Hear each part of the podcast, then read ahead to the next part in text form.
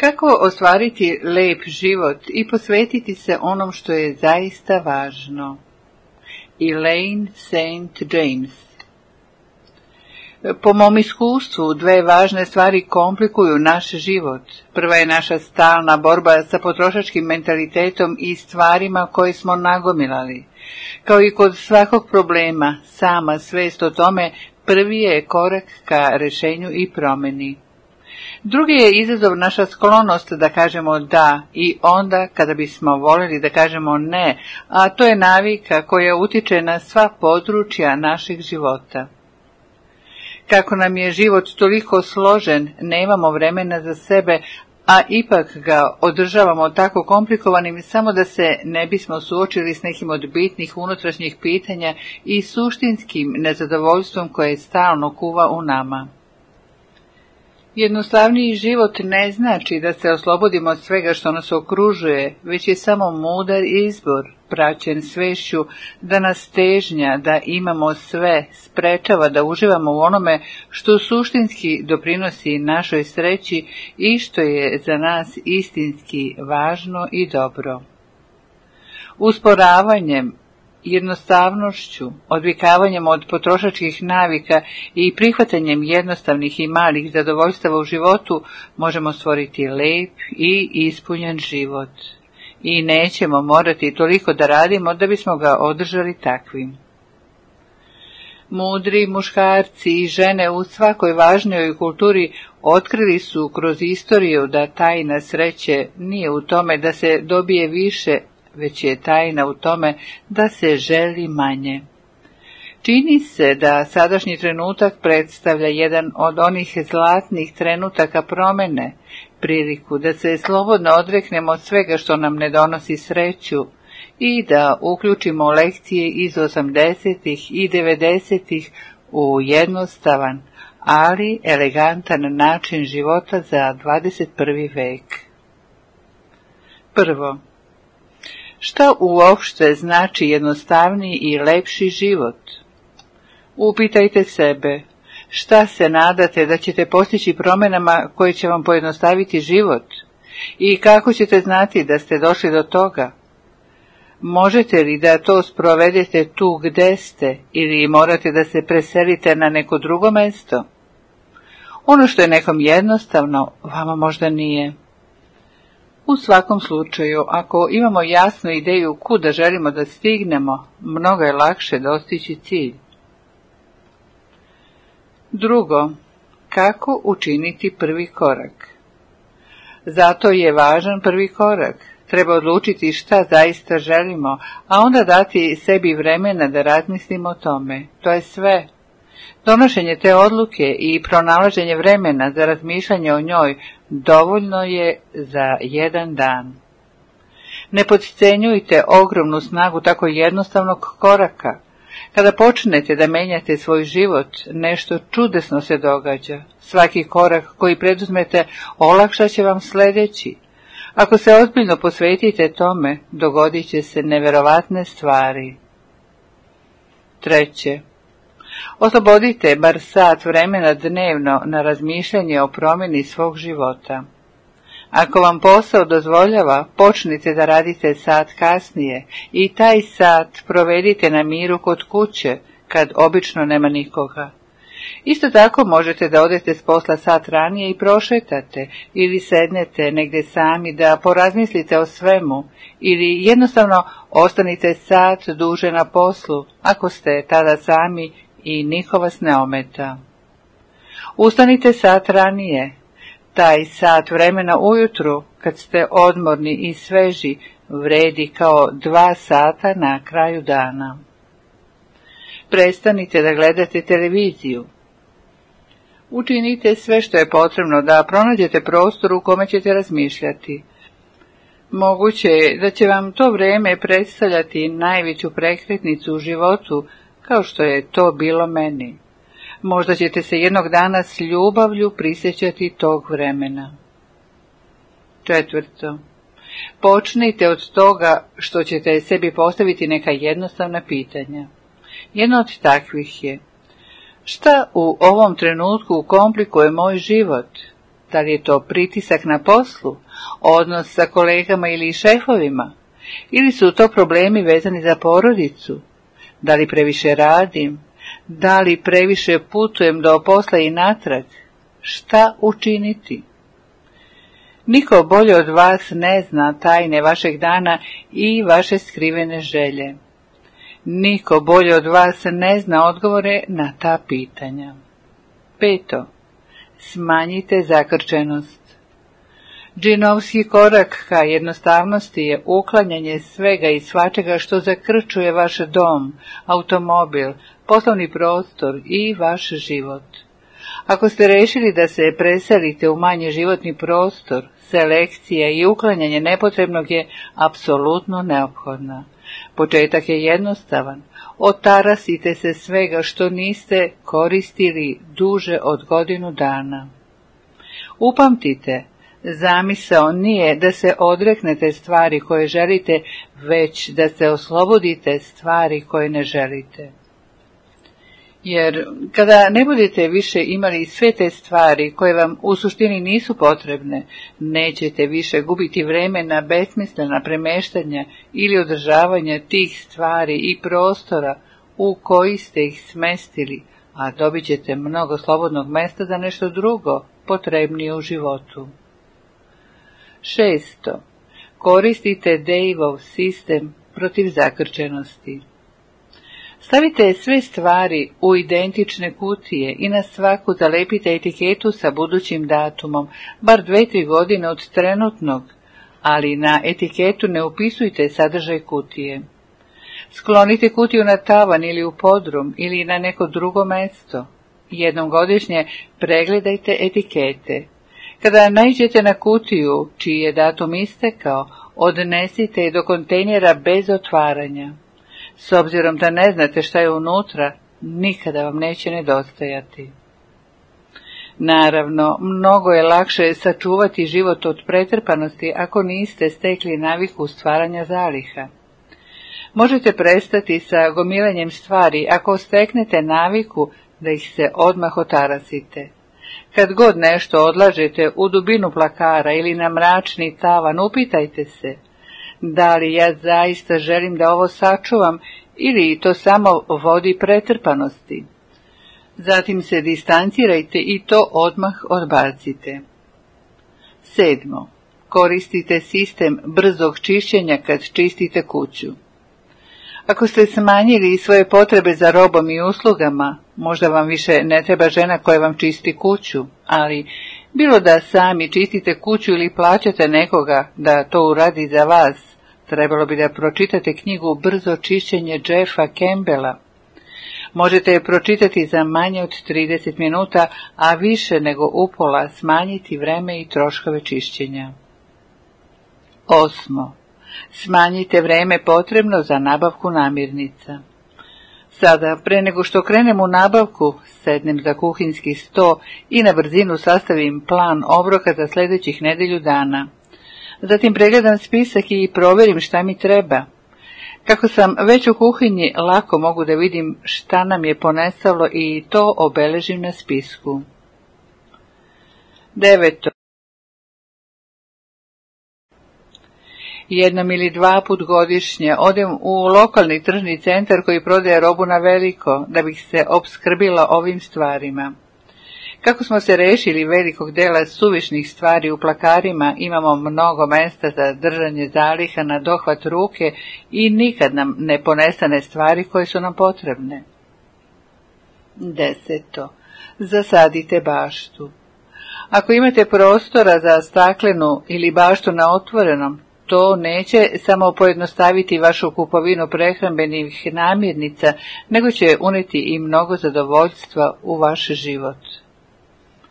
11. Obavite sve sitne poslove na jednom mestu.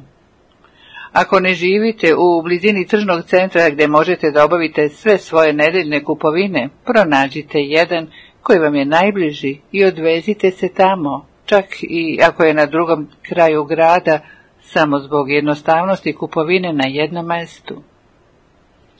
Automobil je, baš kao i mašina za veš, druga naprava koju često zloupotrebljavamo. Tako je lako uskočiti u kola i otići negde, sve zato što ne mislimo o vremenu koje utrošimo radići stvari koje ne bismo radili kada ne bismo imali automobile koji to čine tako lakim. 12. Smanjite vreme za pranje veša.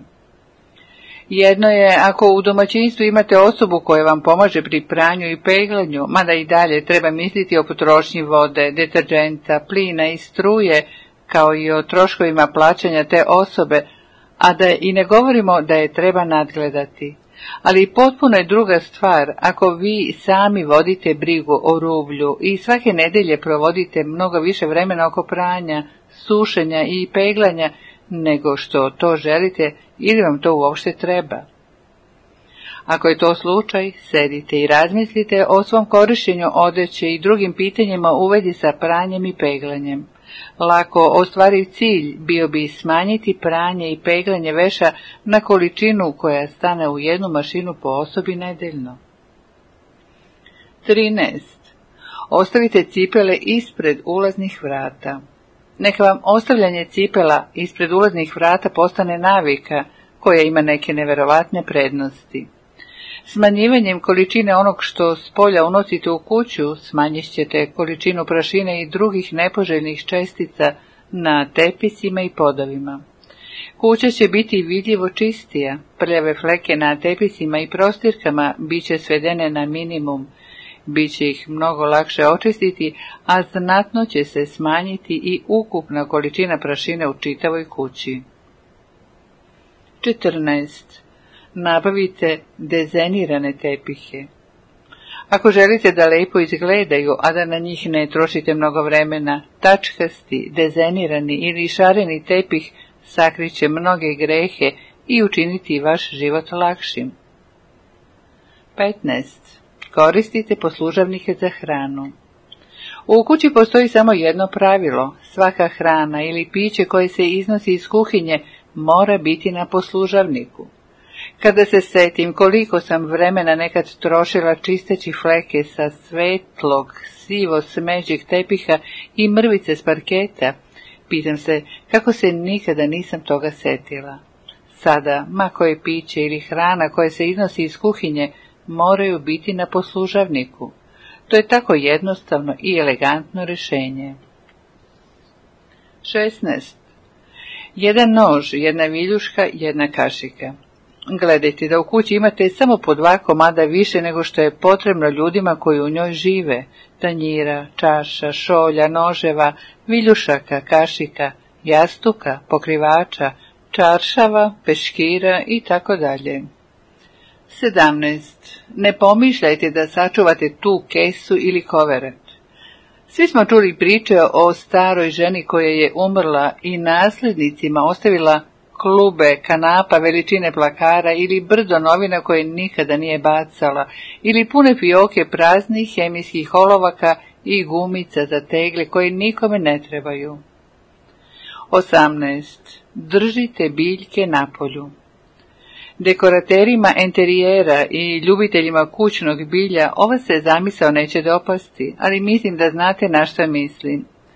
Biljke u kući ponekad su zaista naporne. Vreme je da shvatite kako fotografije u časopisima za vaš dom ne odražavaju stvarnost. Na njima izgleda da je lako držati biljke u kući, ali uopšte nije tako. 19. Nekoliko savjeta o držanju kućnih ljubimaca. Uvijek je bolje držati psa ili mačku sa kratkom dlakom. Čak i za njih odvojite nekoliko minuta dnevno da ih očetkate, tako ćete smanjiti količinu dlaka koje završe na tepihu ili kao krznene gromuljice na parketu.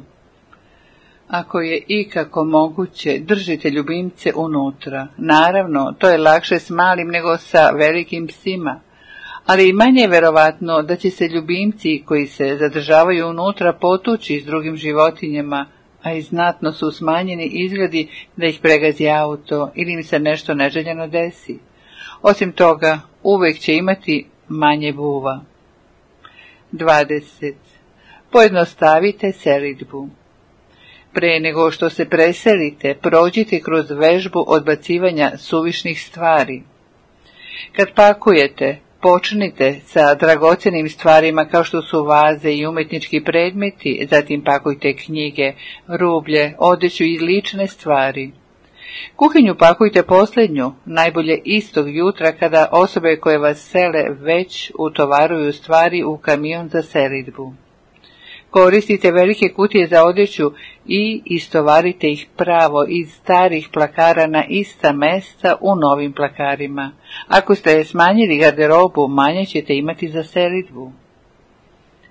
21. Preselite se u manji stambeni prostor. Mnogi ljudi počinju da shvataju da ono čega su morali da se odreknu da bi imali veću kuću jednostavno nije vredno toga. 22. Proredite izlaske. Financijska korist izbjegavanja takvih aktivnosti kao što su odlazak u restorane, noćne klubove ili na koncerte očigledna je. Proteklih smo godina bili tako reći primorani da idemo naokolo i doživimo sve što nam novac omogućuje, ali zato smo često zanemarivali stvari koje bismo voljeli da radimo. Pozivam vas da napravite spisak svega što vi i vaša porodica zaista volite da radite, a zatim svoj život uredite tako da svakog dana imate vremena da radite što je moguće više tih stvari koje volite. 23. Isključite televizor. Napravite spisak stvari koje možete da radite, bilo sami ili s porodicom, umjesto gledanja televizije, kao na primjer ponovno čitanje klasika ili čitanje naglas odlomaka iz omiljenih drama. Organizujte neke igre kao što je šah ili igre koje može da igra cela porodica, kao recimo šarada, igra pogađanja, pantomima, monopol ili pronađite neki hobi u kome ćete uživati. 24. Prestanite da kupujete novine i časopise. Ne oklevajte, pronađite nova interesovanja ili štiva kojima ćete ispuniti vreme koje ste do sada trošili listajući novine i časopise. Možda ćete se začuditi kada vidite koliko ćete vremena dobiti za ono što biste zaista želeli da radite. Ako ste umorni od loših vesti, ali ne možete da se suočite s odlukom da se potpuno odreknete dnevnih novina, razmislite o tome da ih se odreknete na mjesec dana ili bar na nedelju dana. 25. Koristite lokalnu biblioteku. Javne biblioteke su za većinu ljudi jednostavno i lako dostupno rješenje za smanjenje broja stvari koje se unose u kuću, ne samo što se tiče knjiga, već i novina, časopisa, CD-ova i tako dalje. Osim toga, pozajmljene knjige treba vratiti u određenom roku, pa nas biblioteke time dodatno postiču da ih pročitamo. Čak i ako ih ne pročitamo, bar se neće trajno gomilati na našim noćnim ormarićima i policama za knjige. 26. Potražite pomoć. Ako vam je potrebna pomoć u preuređenju svog života, potražite je. Zamolite člana porodice ili neku dobru prijateljicu da vam pomognu. Treba će vam neko ko ima snažan karakter i neće se obazirati na vaše kukanje kada budete htjeli da sačuvate primjerke E, nacionalne geografije iz posljednjih 30 godina, ali će imati dovoljno samilosti da vam dozvoli da sačuvate srednjoškolski almanah. 27. Ne javljajte se na telefon samo zato što zvoni. Telefon je nesumnjivo jedna od najvećih pogodnosti savremenog sveta, ali on može da bude i jedna od najvećih gnjavaža, ako ne naučimo da ga koristimo za svoje dobro, umjesto za tuđe. Sve ovo odnosi se i na mobilni telefon, koji je zajedno s internetom napravio čitavu revoluciju u komunikaciji, ali se ta komunikacija ubrzo svela na to da otuđuje ljude jedne od drugih, jer umjesto neposrednog živog susreta komuniciraju telefonom i internetom. 28. Ne slavite praznike ako vam nije do toga. Najvažniji praznici spadaju u najstresnije i zato najmanje jednostavno doba godine. Budite iskreni, koliko ste puta poželeli da ne morate da prođete kroz današnji komercijalizovani Božić ili Novu godinu, kroz svu tu kupovinu, poklone, kuvanje, kancelarijske proslave, porodične večere, neumereno konzumiranje hrane i pića i prekomerno trošenje, što je tako daleko od pojednostavljenja vašeg života i što vam u stvari samo komplikuje život. Budite svesni da vas neće baš svi razumeti, a neko će se zbog toga možda osjetiti povređeno. Ako vam pretegne osjećanje krivice, možete da napravite kompromis, slavite Božić, ali ne i Novu godinu ili bilo šta drugo. Jednostavno razmislite. Ako nešto preduzmete sada, možete se osloboditi najstresnijih događaja u godini, ne gubite ni trenutka. Ove godine neka praznici budu po vašem. 29. Odredite granice rodbini i prijateljima kada je reč o poklonima za decu. Prekomerno poklanjanje deci komplikuje život ne samo roditeljima zbog silnih igračaka koje zauzimaju životni prostor, već to komplikuje život dece tako što ih vremenom opterećuje. Ne znaju čime bi se prvo igrali, otupljuje im osjećajnost i kreativnost. Kad bolje pogledate, vidjet ćete da deca uvek odaberu jednu ili dve igračke koje im postanu omiljene, dok ostale samo zakrčuju prostor u sobi. Zato recite rodbini da novac koji troše na igračke i slično stave na štednu knjižicu deteta u fond za školovanje. 30. Pojednostavite putovanja. Evo šta je zamka za mnoge putnike. Osim što spakuju sve stvari koje će im trebati za dve nedelje putovanja, spakuju i sve što bi na tom putu moglo da im zatreba. Evo nekoliko načina da to izbegnete. Većinu putovanja počnite sastavljanjem spiska različitih vrsta odeće koju biste poneli, kao što je svečana, ležerna, sportska i svakodnevna odeća. Zatim precrtajte sve osim ležerne odeće, jer na većini putovanja samo nju i koristite. Suočite se s činjenicama. Ako dođete tamo i mislite da vam nešto treba, u većini slučajeva možete se snaći i bez toga. To je tajna lakog putovanja. Tako je malo toga što nam zaista treba, a uvijek se možemo snaći i bez toga. To je također i tajna pojednostavljivanja vašeg života. Ponesite samo odeću tamnih boja. Pripazite da se svi delovi odeće koju nosite mogu međusobno da se kombinuju. 31. Uključite decu u kućne poslove.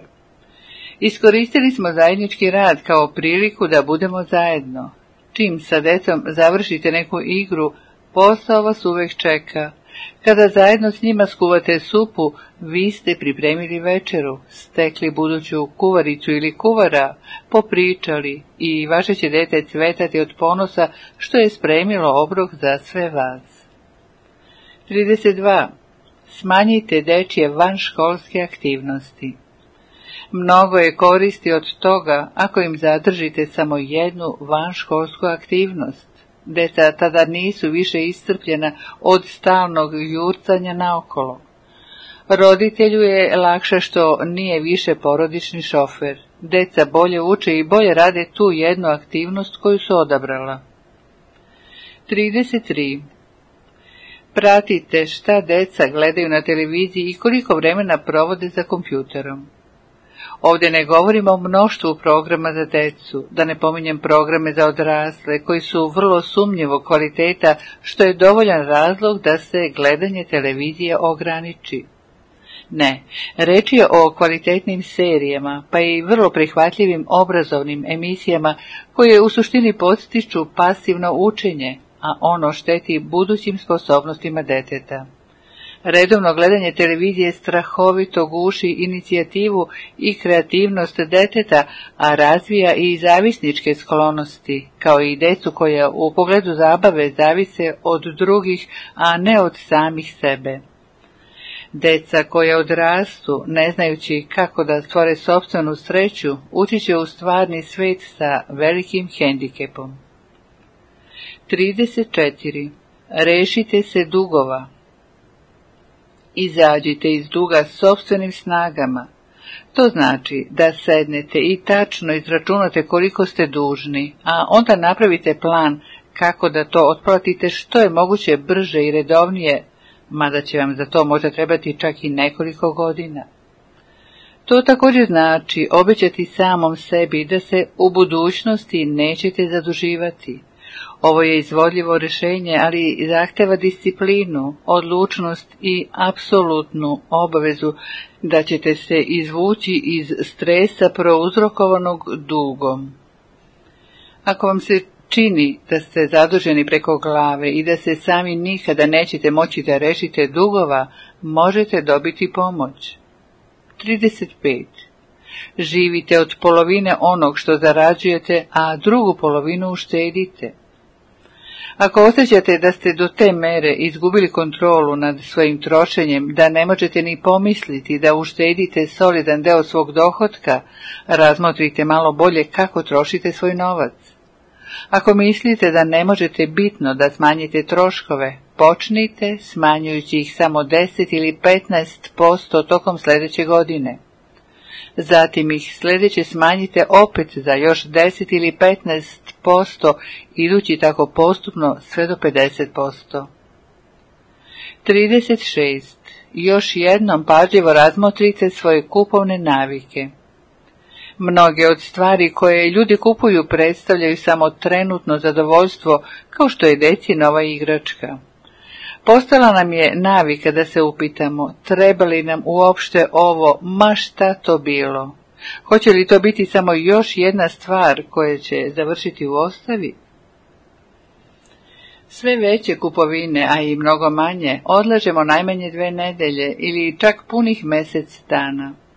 Otkrili smo da umeđu vremenu, kad se euforija slegne, uglavnom shvatimo da nam ta stvar u suštini ne treba, ma šta to bilo. 37. Promenite način kupovine. Ako imate problema sa obuzdavanjem svog nagona za trošenje, sami sebi otežajte kupovinu. Idite ako morate, ali ostavite kod kuće gotovinu, čekove i kreditne kartice. Za mnoge ljude kupovina je samo navika. Način da se prekine s bilo kojom navikom je da se jedna prinudna aktivnost zameni drugom. Sastavite spisak stvari koje biste mogli da radite umjesto odlaska u kupovinu, tako da imate šta da radite kada sljedeći put osjetite potrebu za trošenjem novca na stvari koje vam ne trebaju. 38. Vodite nekog da vam pravi društvo dok kupujete. Ako postoji nešto za što ste smislili da to apsolutno morate imati, povedite neku prijateljicu koja poznaje vaše kupovne navike i koja se osjeća s vašom željom da ih promenite. Neka ona nadzire vašu kupovinu tako da kupite samo onu stvar koju ste namjeravali da kupite. 39 mesečni spisak stvari. Kad najđemo na neku važnu stvar koju želimo, iako smatramo da nam zaista treba, stavljamo je na spisak. Ukoliko se posle mjesec dana od dana kada smo je stavili na spisak setimo te stvari i zašto nam je trebala, razmislit ćemo o kupovini ili ćemo možda produžiti rok za još mjesec dana ali uglavnom se dešava da tu stvar ne smatramo više tako važnom da bismo je kupili. Razmislite o ovom sistemu. Biće vam potrebno malo discipline, ali ćete uštediti novac i bitno smanjiti količinu stvari koju unosite u kuću i kojih ćete se jednog dana verovatno morati da otarasite kao suvišnih. 40. Kada u kuću unesete nešto novo, izbacite nešto staro. Za početak krenite od odeće, knjiga, igračaka. Ako steknete naviku da uvek izbacite nešto staro kad unesete nešto novo, uživat ćete u slobodi nezakrčenog prostora. 41. Ukinite kupovinu. Jedan od načina na koji ćete uštediti svoje vreme je da mesec dana kupujete samo namirnice i osnovne stvari za higijenu. Ne samo što ćete uštediti vreme i novac, već ćete na taj način promeniti svoje potrošačke navike i potrošački mentalitet koji vam je nametnut. Čim primenite ovo u svom životu, ubrzo ćete uvidjeti koliko nam malo toga zaista treba i kako je lako živjeti bez silnih stvari za koje mislimo da su nam neophodne. 42. Smanjite potrebe za robom i uslugama. Svako od nas mora sam da odluči u kom trenutku roba i usluge prestaju da olakšavaju naš život i postaju opterećenje. Naš cilj je da tako uredimo život da lako možemo sami da brinemo o većini svojih potreba i onom što posjedujemo. Kada se otarasimo većeg dela roba i usluga za koje smo nekada mislili da ne možemo bez njih, stvorit ćemo potpuno novo osjećaj slobode u našem životu. 43. Odbacite sve kreditne kartice osim jedne. Na kraju smo otkazali sve kartice i uzeli samo jednu viza karticu. Koristili smo jednu od mnogih banaka koje nude izbor između 25 dolara godišnje članarine i kamatne stope od 9% na neplaćeni račun ili bez godišnje članarine i malo višu kamatnu stopu. S obzirom da redovno plaćamo račune, odabrali smo ponudu gdje se ne plaća godišnja članarina. Sada imamo karticu koja nas ništa ne košta i vrlo je lako pratiti stanje na njoj. 44. Objedinite bankovne račune. Zato, ako se otarasite svih računa osim jednog, znatno ćete pojednostaviti svoje poslove povezane s bankom. 45. Otplatite hipoteku Ako živite u kući iz svojih snova i planirate da ostanete u njoj, a vaša otplata hipoteke je unutar sredstava kojima raspolažete, mogli biste da preduzmete korake da je što pre ili je isplatite odjednom. 46. Pri sljedećoj kupovini automobila kupite polovni ne samo što ćete kupovinom polovnog automobila uštediti novac, nego ćete izbjeći i gnjavažu oko financiranja i mesečnih otplata, pa ćete, ako pažljivo kupujete, imati vozilo kod koga su već uklonjene moguće smetnje i na koje se može računati da bez problema pređe još desetine hiljada kilometara. 47. Naučite vašu decu financijskoj odgovornosti. Naučiti decu kako da postupaju sa svojim novcem jedan je od najvažnijih poklona koji im možemo dati. Ne samo što će to na kraju pojednostaviti njihov život, nego će pojednostaviti i naš. 48. Radite tamo gdje živite ili živite tamo gdje radite. Da, naravno da smo se donekle odrekli napredovanja u karijeri kada smo se preselili ali to nam je više nego nadoknađeno ogromnim poboljšanjem kvaliteta naših života. Jedina stvar koju se pitamo jeste zašto to nismo uradili ranije. 49. Radite ono što zaista želite da radite. Nažalost, proces razmišljanja o tome šta želite da radite i da zatim to i počnete da radite nije nužno jednostavan. Sve to može potrajati mesecima pa i duže. Ali kako sam i sama provela dve godine istražujući šta je to što zaista želim da radim i zatim uredila svoj život u skladu s tim, mogu vam obećati da će to biti vredno ma kakvih komplikacija kroz koje morate da prođete da biste to ostvarili, jer će to definitivno ulepšati vaš život. 50 pronađite posao svog života. Kada sam prevazišla sve izgovore da ne mogu sebi da priuštim drugi posao jer neću moći dovoljno da zaradim, dala sam sebi reč da neću da započnem nikakav novi posao dok ne pronađem nešto što zaista želim da radim. Nemojte da upadnete u zamku i da kažete da je kasno da otkrijete šta biste voljeli da radite. Jedno sam shvatila. Sve što sam do tada radila pripremalo me za ono što sada radim, a to što sada radim priprema me za sve ono što u budućnosti mogu da promenim. 51. Pretvorite hobi u posao. Jedna od čudesnih blagodeti pojednostavljivanja mog života je to što sam stvorila više vremena u kome mogu da se posvetim svom hobiju, čitanju. Ali može biti i obrnuto pronalaženje vremena za vašu omiljenu zabavu može pojednostaviti vaš život. U svakom slučaju, ako već ne radite ono što volite, početi da se bavite hobijem jedan je od načina da dođete do toga. 52. Radite manje, a više uživajte u svom radu. Kada sam rešila da pojednostavim svoj život, jedna od prvih stvari koje sam uradila po pitanju posle bila je da skratim radni dan. Jednostavno sam isplanirala svoj radni dan tako da ga završim sat ranije.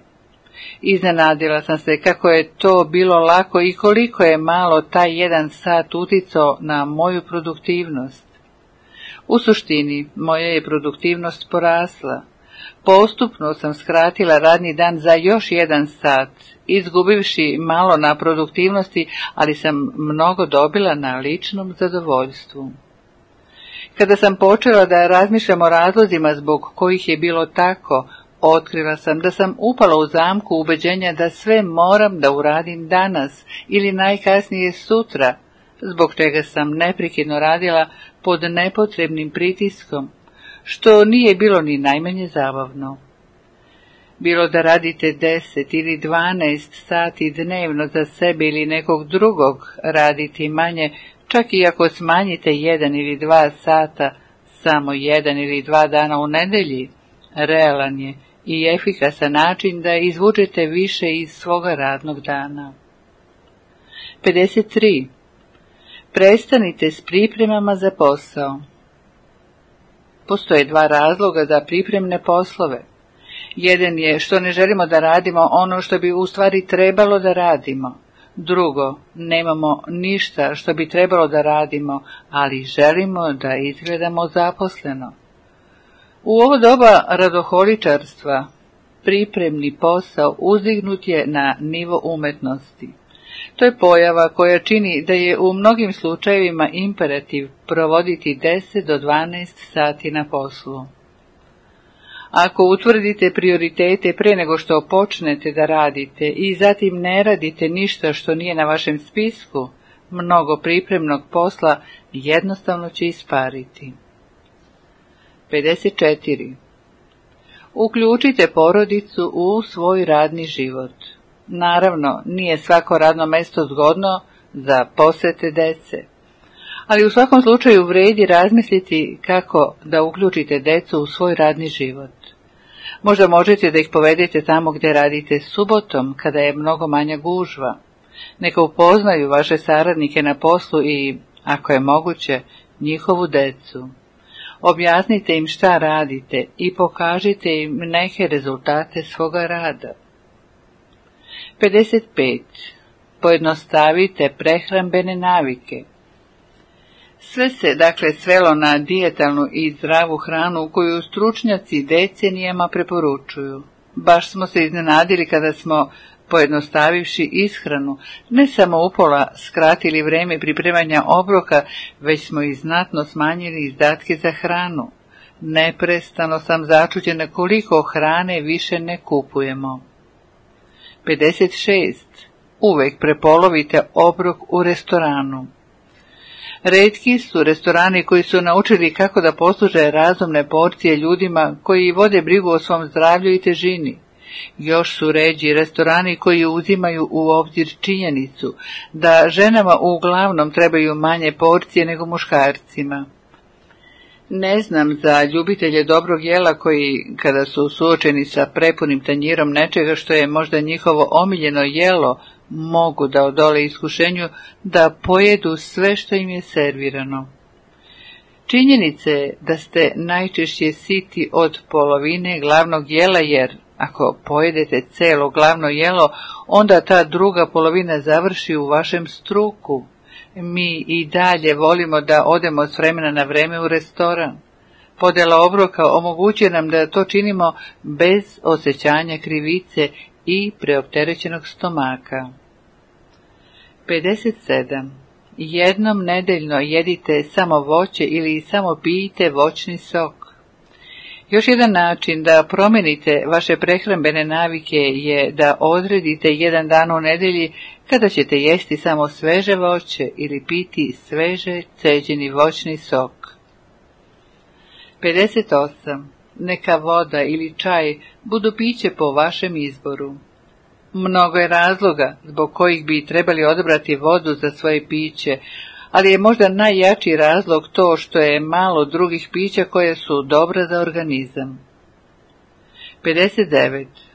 Pripremajte sami svoj obrok na poslu. Možda ćete se suprotstaviti argumentom da je pripremanje sobstvenog obroka na poslu samo još jedan dodatni posao na spisku stvari koje morate da uradite svakog dana. Ali ako to unaprijed isplanirate i to vam postane rutinski posao, stvarno vreme pripreme bit će minimalno.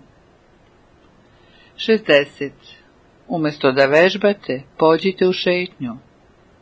Šetnja ne zahtjeva nikakvu pomodnu opremu, nikakvu novu odeću, nikakvo članstvo u klubu i to je najbolja vežba koju možete sebi da priuštite.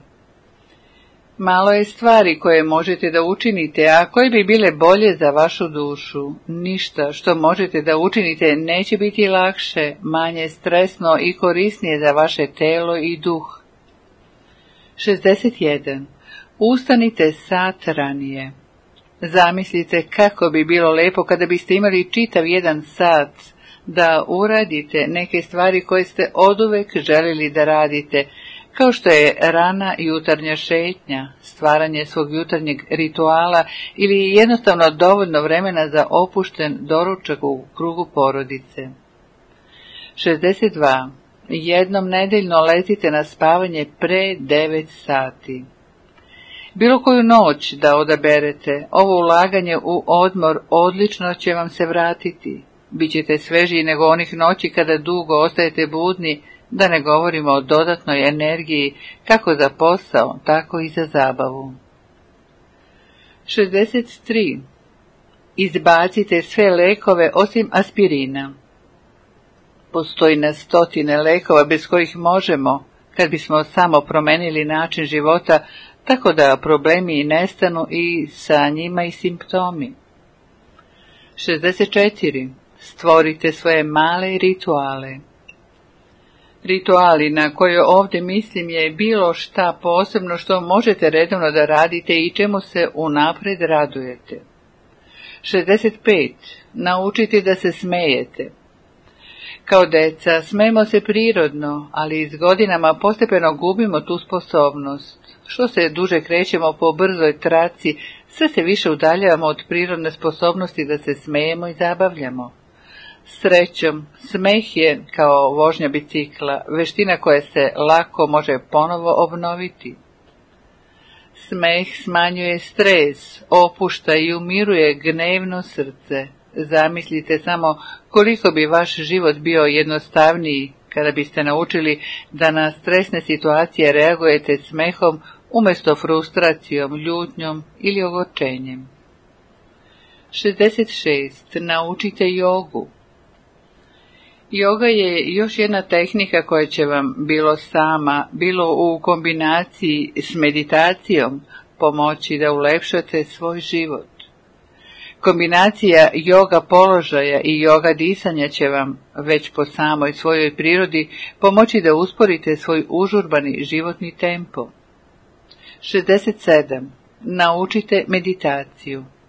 Učenje meditacije će vam pružiti nov životni uvid i pomoći vam da tačno razjasnite sebi kako želite da živite. 68. Usporite vožnju na dozvoljenu brzinu. Kada jednom usporite svoj tempo vožnje, nećete se više pitati zašto vozač ispred vas uvek sporije vozi. 69. Raščistite svoje veze. Kada razmislite o tome Izlazak iz problematične veze može biti relativno lak. Ono što je najčešće teško je doneti odluku o prekidu veze. Nijedna druga stvar koju možda možete uraditi neće pojednostaviti vaš život tako brzo ili tako temeljno kao izlazak iz neuspešne veze. 70. Jednostavno budite ono što jeste.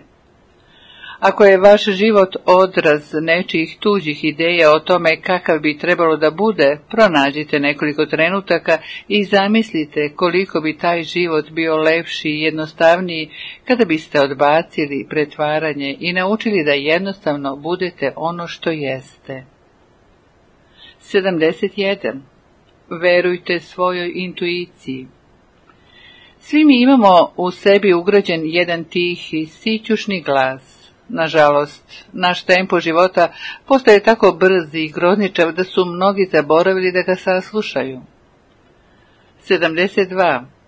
Ako nije lako, ne radite to.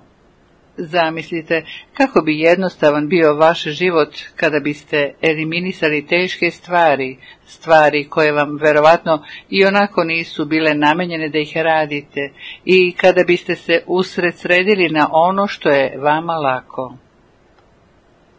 73. Prestanite s pokušajima da promenite ljude. Jedna od stvari koje mi je postala jasna otkako sam počela da usporavam svoj tempo je da ljudi rade ono što žele da rade. Taj uvid mi je omogućio da uočim tananu crtu koja deli pružanje podrške od smetanja. Kada dođe do te tačke, ne možemo promeniti druge ljude. Oni se menjaju kada im to odgovara i kada su sami spremni. Na kraju krajeva, svi mi moramo sami da nađemo izlaz iz škripca u kome se zateknemo.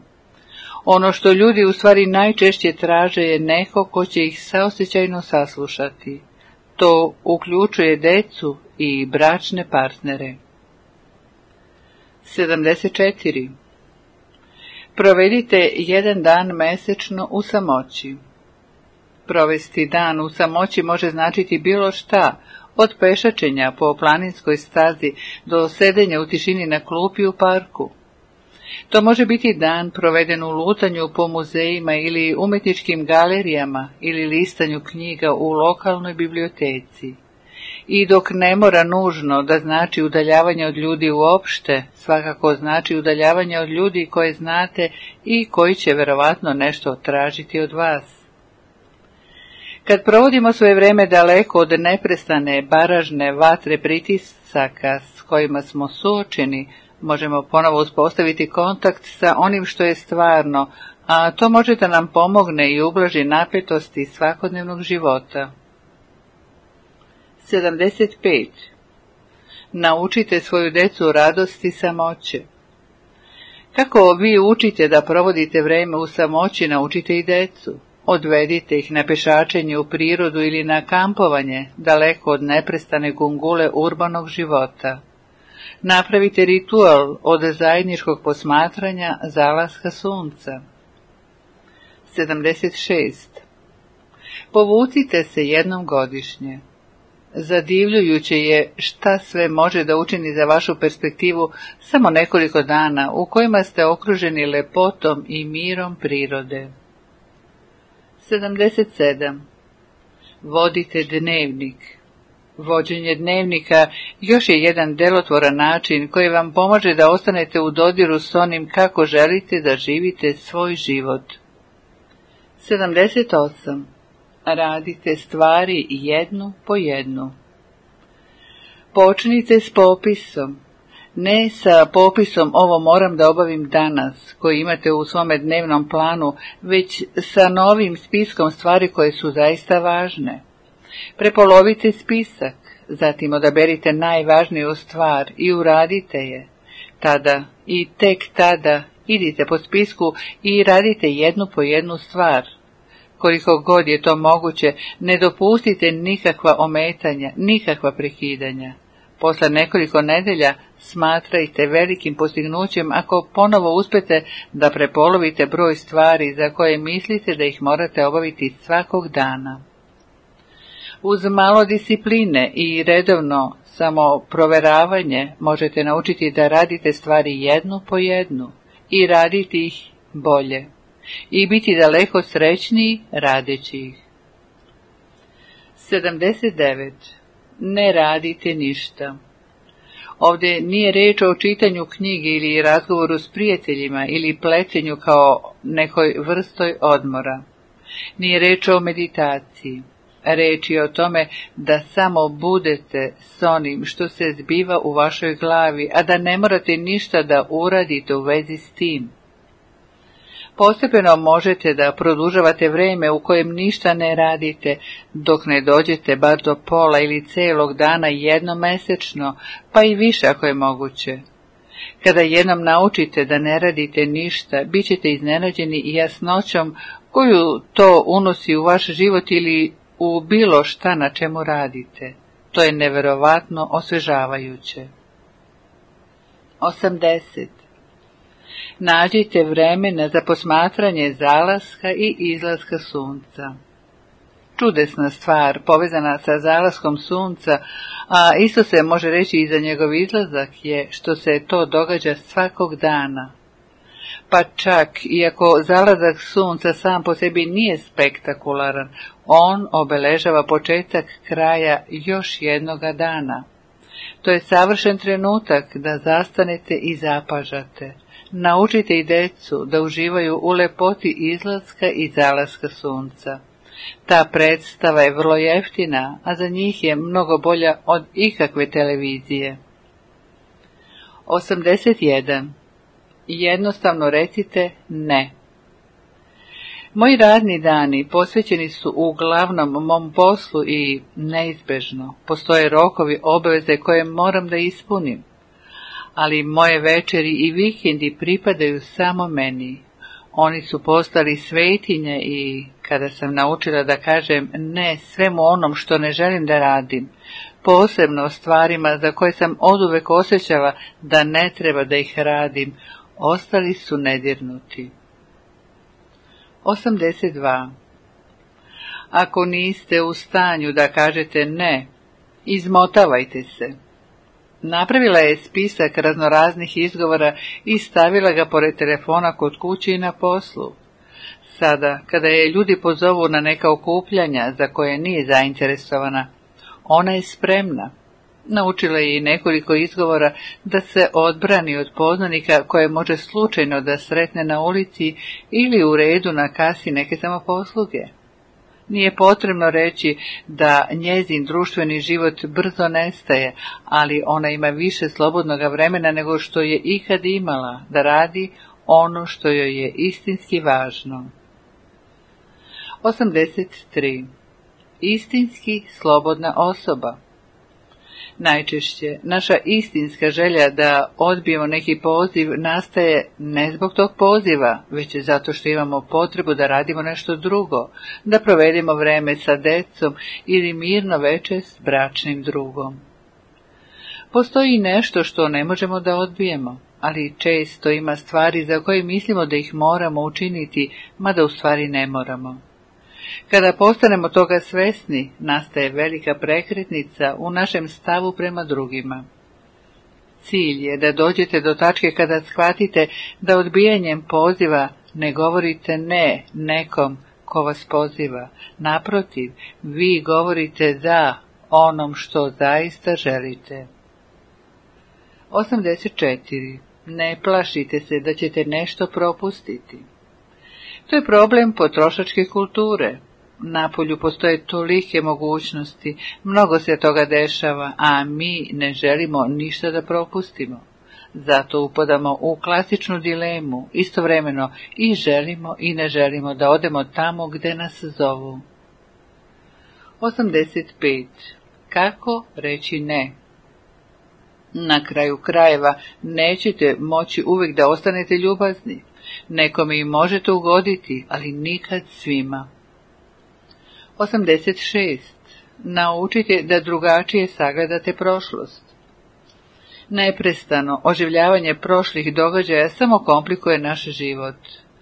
Njihovo sagledavanje kao pozitivnih koraka koji nas vode napred, a zatim kretanje dalje, održat će stvari jednostavnim. 87. Promenite svoje očekivanja.